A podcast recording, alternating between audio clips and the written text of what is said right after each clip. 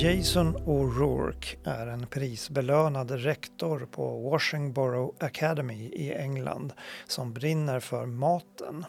Och då särskilt för hur man kan använda maten som ett pedagogiskt verktyg och låta det prägla skolans undervisning i många olika ämnen. Pedagog Malmö fick en pratstund med honom när han besökte Malmö och gästföreläste på Hyljevångsskolan. Jason O'Rourke, head teacher at Washingborough Academy. Welcome to the podcast. Thank you very much. Thanks for inviting me onto it. First of all, tell us about uh, your school.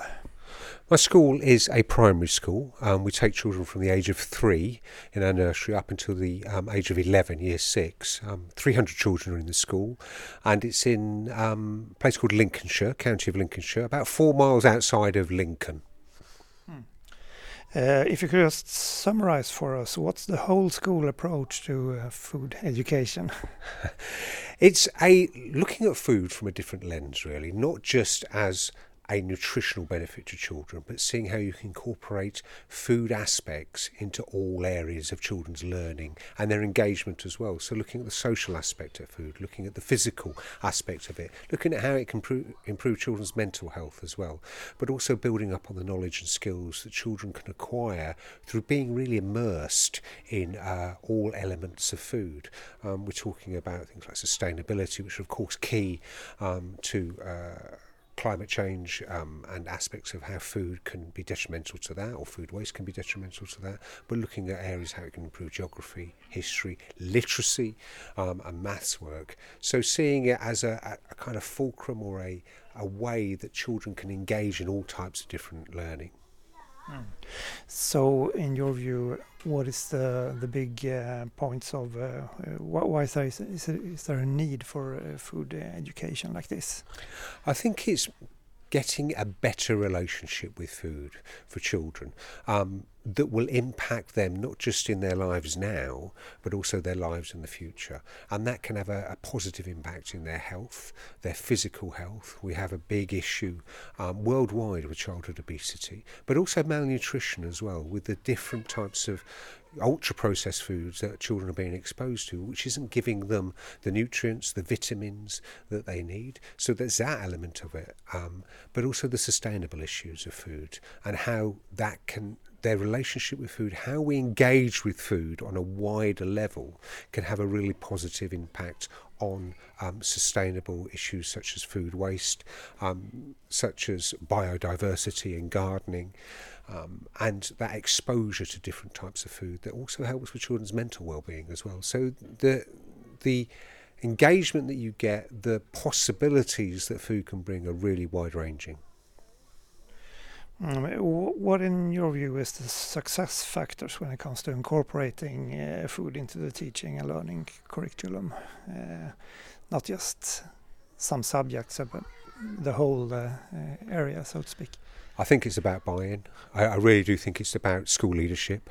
I think if the head teacher and the senior leadership teams and school principals understand the importance of food and what pleasure it can bring to children and the impact it can have on their lives and their community as well, then it can happen in schools. Um, so in my experience, if school leaders get it, they can impart that down. But also, I think it's about um, looking at what curriculum our children need currently. We're in 2023. We need to be creating learning environments that are relevant to their lives, that will have a positive impact in their lives going forward. And I believe that food is the key to that. Um, so if we look at it from that um, angle, we know that children enjoy it. They get a great deal of satisfaction pleasure in it. It changes their habits, it widens their, their palates and their interest in food and their engagement in food, and that's only going to have a positive impact on them and wider society.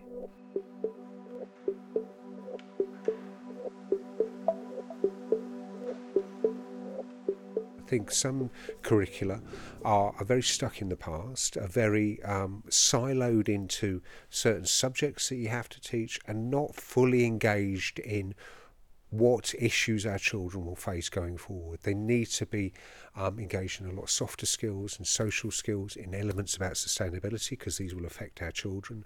Um, and if we can look at the curriculum and think, what do we want our children to be at the end of it? How do we reach that goal?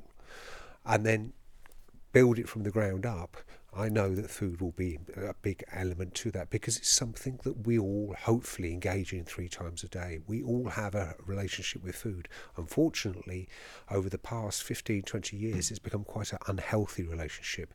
We have um, I'm just talking from the UK, where I'm from, we have 65% of the diet that children eat is made of ultra processed food, food that's made in factories. This is having a really negative effect on them, physically and mentally. That's going to be a, a big burden on society going forward, not just the, the health system, but also society in general. So, if we can look at ways that we can improve that and look at the curriculum and think about the engagement we want, the needs that we want, um, I think that's that would be a really really good way forward. How do you work in your school to achieve this, the whole school approach to food? Uh, for example, the teachers get the opportunity to to uh, practice on their cooking skills. Yes, we do that. I think you, your key resource in a school is your teachers. They're, they're the, the, the people who are in front of the children, engaging them, teaching them all the knowledge and skills that you, you think are important teachers need to be trained up. We do a lot of continuous professional development with teachers so that they feel comfortable with it.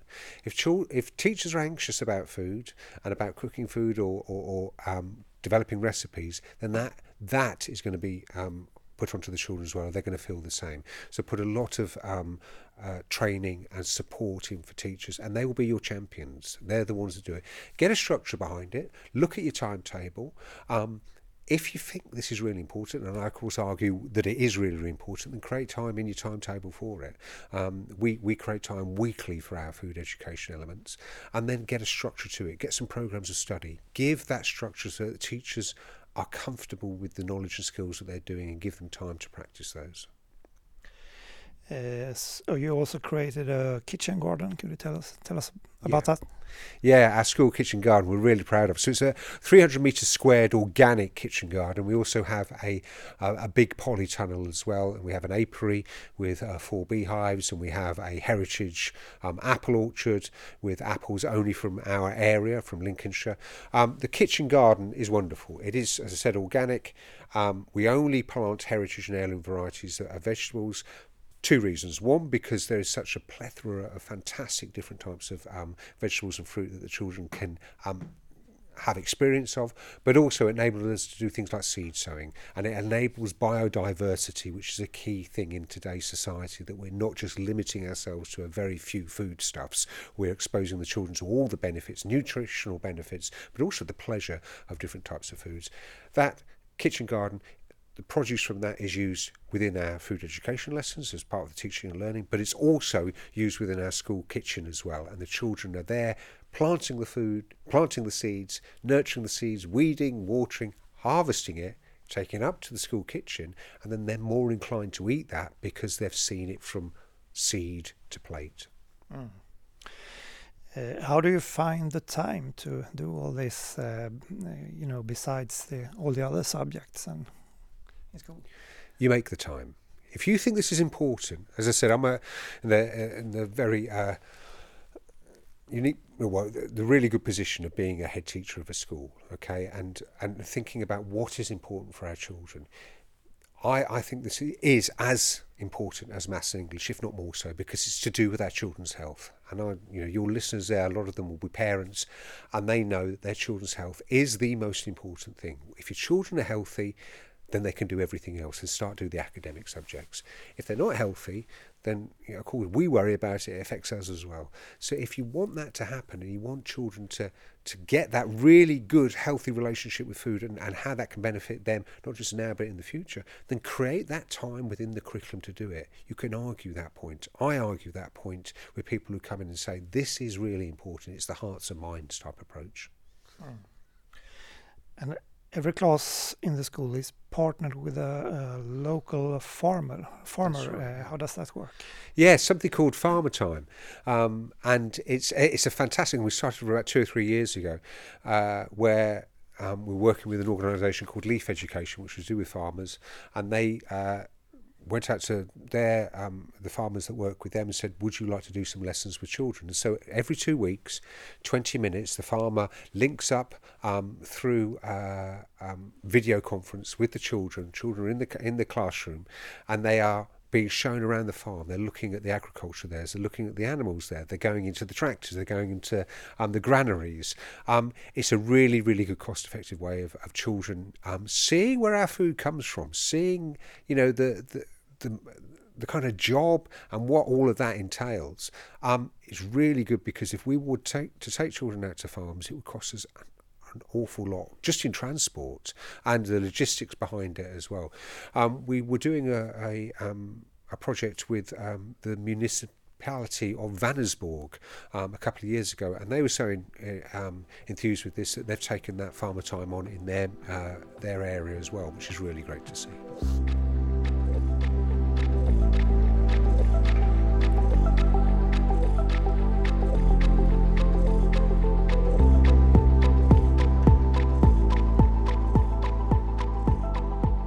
How do you engage engage the parents in this work?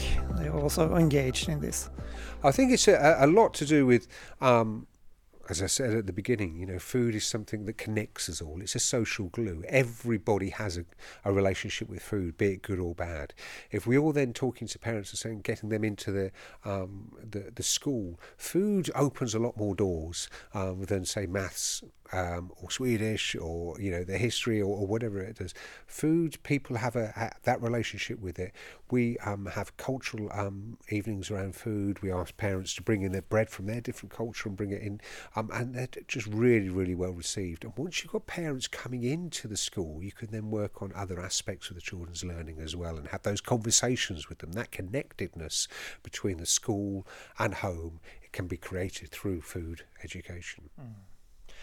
You also talked about in your lecture about the teachers uh, that they really have the power to do uh, make a difference when it comes to children's approach to to food. Could you develop on that? Yeah, the the relationship that ch uh, teachers have with children is a unique relationship. It's a it's a wonderful one. It is um, what when we do our food education, especially. Um, sensory food education, TasteEd, a, a, a, method that we've we've helped set up. Um, if you're asking children to try different fruit and vegetables that you know they're being uh, they're experiencing within the lesson, it's a different thing than if you're doing that at home. There's a lot of emotional.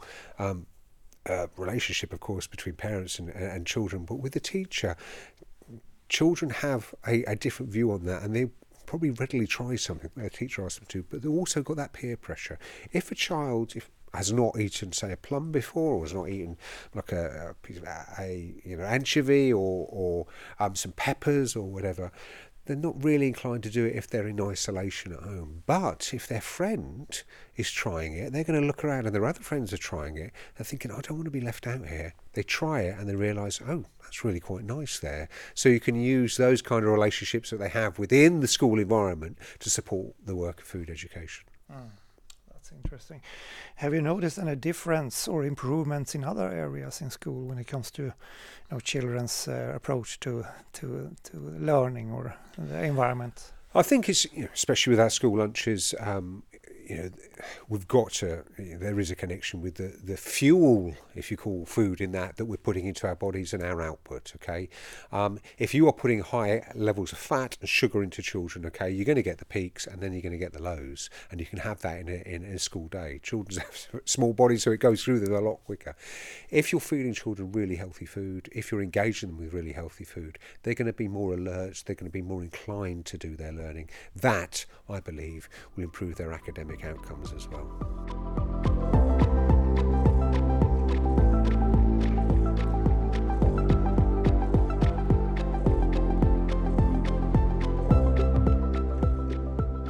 So, how did you, as a head teacher, engage in food ed education from the be beginning? Where does your motivation come from?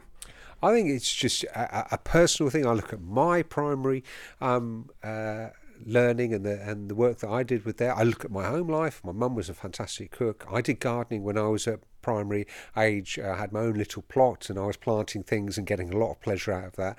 And then we come into the position of being a head teacher and thinking, is it that really engages? And I, you know, reflected on myself. I thought well, that was something that was really good. But as I said before, food is something that we all have a connection with. It's something that we all joins us all together. One of the very few things that does that.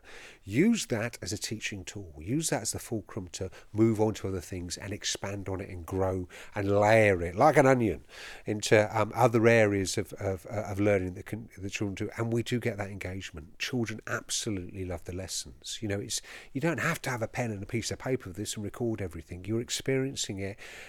If you're using all of your five senses, as we do with our taste and our sensory food education thing, it's so immersive, and children get an incredible amount of joy and pleasure out of it. Mm.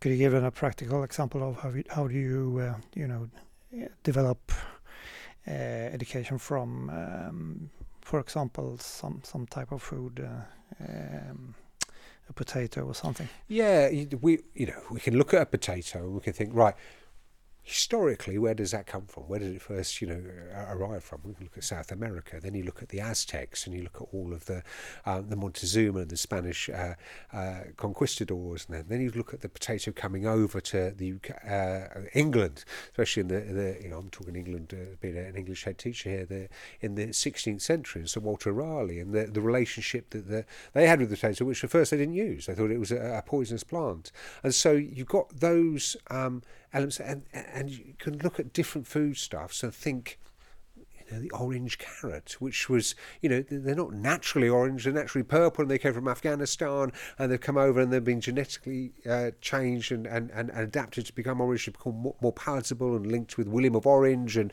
uh, so history tells us. So there's all these fantastic stories around food um, and and food stuffs that children get really uh, immersed in, you know, really engaged in the geography, the food miles, the science elements of it, the literacy of describing the tastes and the smells and the touches that you have to do with food. Vocabulary is incredible. Mm. To wrap things up here, if you could give some advice to the head teachers or teachers listening to this who wants to organize and you know develop their food education, where do you think they should start? I think be brave. Do be brave. Think about what is our core purpose as educators. It is to make our children's lives better. We've got a problem with children's health and well-being Okay, worldwide, we've got a problem with uh, childhood obesity. We've got a problem with non-communicable diseases like type two diabetes, certain types of cancer, certain types of heart disease, that can be linked to food and the intake of food and the intake of unhealthy food.